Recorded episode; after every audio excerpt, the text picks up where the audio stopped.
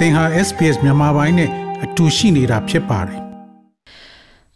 သရရှင်များရှင်ဩစတြေးလျနိုင်ငံမှာ COVID-19 ရောဂါနဲ့ဆက်ဆက်ပြီးနေစားပိတ်ချရတာတွေကြောင့်လုပ်ငန်းတချို့ထိခိုက်နေတာနေရပြီးအဲ့ဒီအထဲမှာစိုက်ပျိုးရေးကဏ္ဍကလုပ်ငန်းတွေလည်းအဓိကတစ်ခုအနေနဲ့ပါဝင်ပါတယ်။ခါတိုင်းဆိုရင်ယာဒီအလိုက်ပြည်ပကအလုပ်သမားခေါ်ယူနိုင်တာတွေ တချို့နိုင်ငံကလူတွေဩစတြေးလျနိုင်ငံကိုအလဲလာရင်အလုပ်ပါလုပ်ခွင့်ရကြလို့ယာဒီအလိုက်ပေါ်လာတဲ့အလုပ်တွေလုပ်ရင်းနဲ့ဩစတြေးလျနိုင်ငံမှာလဲပတ်နေထိုင်ကြတာမျိုးတွေလုပ်နိုင်ခဲ့ပါတယ်။ဒါပေမဲ့ကိုဗစ်ကြောင့်နေဆက်တွေပိတ်ချပြီးတဲ့နောက်ပိုင်းအလုပ်သမားတွေရှားပါးနေပါတယ်။ရာသီအလိုက်စိုက်ပျိုးရေးလုပ်ငန်းကိုဆက်လက်လုပ်ကင်ကြရပေမဲ့လိုအပ်တဲ့အလုပ်သမားတွေမရနိုင်လို့ပြည်ပကအလုပ်သမားတွေကိုခေါ်ယူဖို့ စိုက်ပျိုးရေးဗီဇာအသစ်တစ်မျိုးကိုအစိုးရကအောက်တိုဘာလကစတင်ချမှတ်ခဲ့ပါတယ်။အရင်တုန်းက Pacific ဒေသကယာဒီအလိုက်အလုပ်သမားတွေကိုခေါ်ယူတာမျိုးလုပ်ပေမဲ့ဒီတစ်ခါမှာတော့ Pacific ဒေသကအလုပ်သမားတွေအပြင်မြန်မာနိုင်ငံကအလုပ်သမားတွေအပါအဝင်အရှိတောင်အာရှနိုင်ငံကအလုပ်သမားတွေကိုပါခေါ်ယူဖို့လှုံ့ဆော်နေတာဖြစ်ပါတယ်။ အရှိတောင်အာရှနိုင်ငံကအလုပ်သမားတွေကိုဩစတြေးလျကစိုက်ပျိုးမွေးမြူရေးခြံတွေမှာခေါ်ယူရင်အလုပ်လုပ်ချင်စိတ်ရှိနေတဲ့ပစိဖိတ်အလုပ်သမားတွေအပေါ်မှာထိခိုက်နေနာမှုတွေဖြစ်မှာကိုလည်းစိုးရိမ်ကြသူတွေရှိပါတယ်။အခုလောလောဆယ်ဩစတြေးလျအစိုးရကအရှိတောင်အာရှနိုင်ငံကအစိုးရတွေနဲ့စိုက်ပျိုးရေးဗီဇာအသစ် agriculture visa အကြောင်းဆွေးနွေးမှုတွေလုပ်ပေမဲ့အခုအချိန်အထိနိုင်ငံသဘောတူညီမှုတွေမရနိုင်သေးဘူးလို့သိရပါတယ်။ မြန်မာနိုင်ငံမှာတော့ပြည်ရင်းစစ်နဲ့မတည်ငြိမ်မှုတွေကြောင့်အလုသမားခေါ်ယူရေးကိစ္စဆွေးနွေးနိုင်ခြင်းရှိမရှိလဲမသိရသေးသလိုအခုလောလောဆယ်ဩစတြေးလျအစိုးရနဲ့အရှေ့တောင်အာရှနိုင်ငံကဘယ်နိုင်ငံအစိုးရနဲ့မှနိုင်ငံအစိုးရအဆင့်သဘောတူညီမှုမရသေးဘူးလို့လည်းသိရပါတယ်။ဩစတြေးလျအစိုးရကတော့အဲ့ဒီဗီဇာနဲ့အရှိတောင်အာရှကအလုပ်သမားတွေမကြာခင်ရောက်လာမယ်လို့မျှော်လင့်နေပေမဲ့တချို့လူတွေကတော့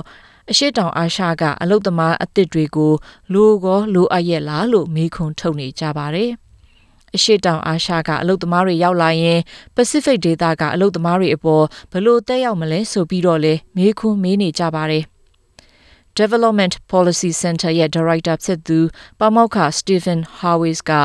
ဒီနှစ်မှာအလုသမားတွေမလုံလောက်မှုဖြစ်နေတယ်ဆိုတာမှန်ပေမဲ့လည်းလိုအပ်တဲ့အလုသမားတွေရဖို့ ဗီဇာအသစ်တစ်မျိုးထွင်ပြီးနိုင်ငံအသစ်တွေကအလုပ်သမားအသစ်တွေကိုခေါ်ယူမှုလုပ်တာကတော့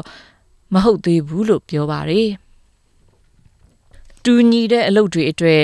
အရှိတောင်အာရှကနိုင်ငံတွေနဲ့ Pacific ဒေသကနိုင်ငံသားတွေအတွေ့ဗီဇာနှမျိုးနှစ်စားနဲ့ခေါ်ယူမှုလှုပ်ဆောင်နေတာကပြဿနာဖြစ်နေတယ်လို့ပြောပါတယ်။အခုလောလောဆယ်မှာ Pacific ဒေသက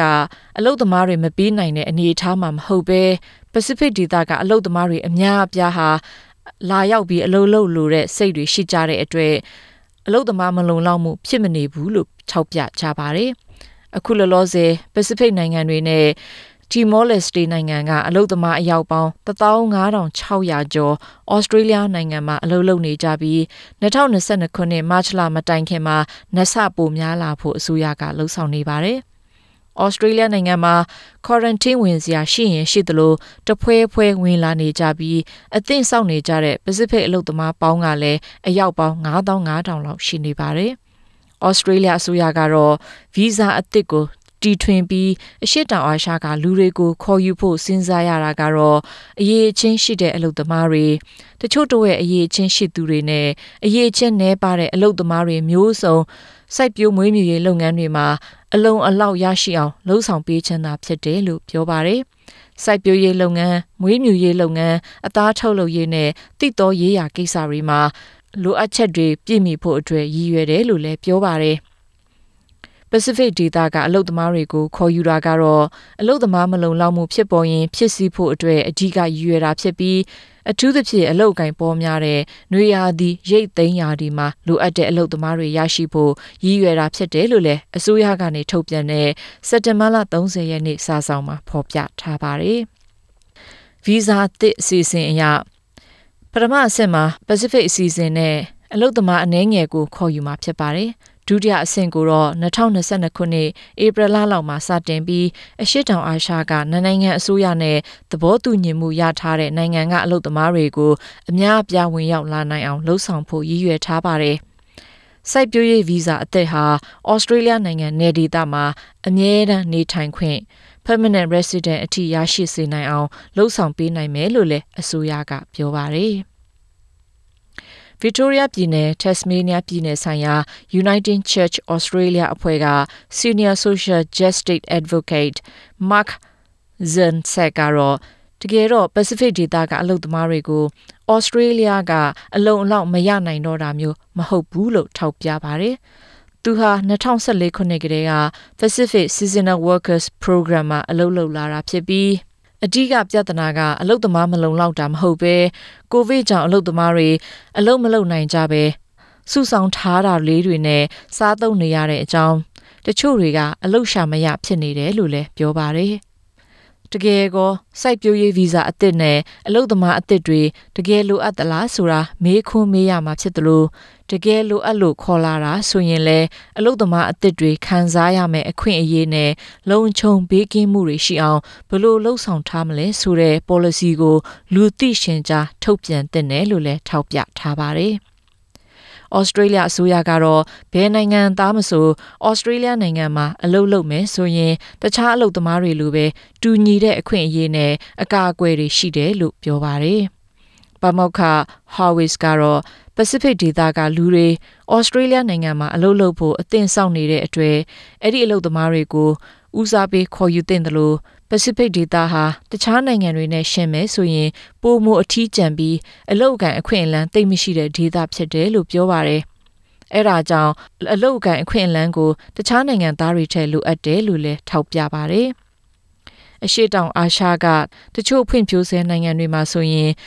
လူဦးရေကများပြားသလိုကုန်ထုတ်လုပ်ငန်းနဲ့ကမ္ဘာလှည့်ခီးသွားလုပ်ငန်းတွေအတီးတကျရှိတဲ့နိုင်ငံတွေဖြစ်တယ်လို့လည်းထောက်ပြပါတယ်။ဒါအပြင်ပြည်ပကအလုပ်သမားတွေအပေါ်အနိုင်ကျင့်အမျှထုတ်တာမျိုးတွေအပေါ်စိုးရင်မကင်းမှုတွေလည်းရှိပါတယ်။ Queensland ပြည်နယ်က Vanderbilt မြို့ရဲ့မြို့တော်ဝန်ကတော့ပြည်ပကအလုပ်သမားတွေကိုဆက်ဆံတဲ့အပေါ်မှာ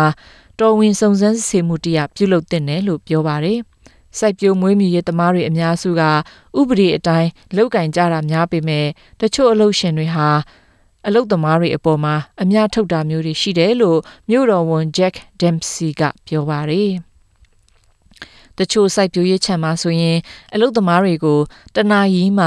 3ဒေါ်လာသာပေးတာမျိုးတွေလည်းရှိတဲ့အတွက်စုံစမ်းစစ်ဆေးအရေးယူမှုတွေလုပ်ဖို့တိုက်တွန်းကြတာဖြစ်ပါတယ်။အဲဒီလိုအခြေအနေတွေကြောင့် Fair Work Commission ကနေ နိုဝင်ဘာလ၄ရက်နေ့တုန်းကပဲစိုက်ပျိုးရေးလုပ်ငန်းမှာလုပ်ကင်တဲ့ casual အလုပ်သမားတွေအနည်းဆုံးတစ်နာရီမှာ25ဒေါ်လာ40စင့်ပေးရမယ်လို့သတ်မှတ်ပေးလိုက်ပါတယ်။ဒီလိုဆုံးဖြတ်ချက်ကိုကြိုးဆိုသူတွေများသလိုတချို့လူတွေကလည်းအလုပ်သမားတွေကိုပေးရတဲ့လစာများလုံးတဲ့အတွက်လယ်သမားတွေဒုက္ခရောက်နိုင်တယ်ဆိုပြီးပြောဆိုနေကြတဲ့အကြောင်းတင်ဆက်ပေးလိုက်ရပါတယ်ရှင်။ SPS မြန်မာပိုင်းကို Facebook ပေါ်မှာ like ရှာပြီး like မျှဝေမှတ်ချက်ပေးပါ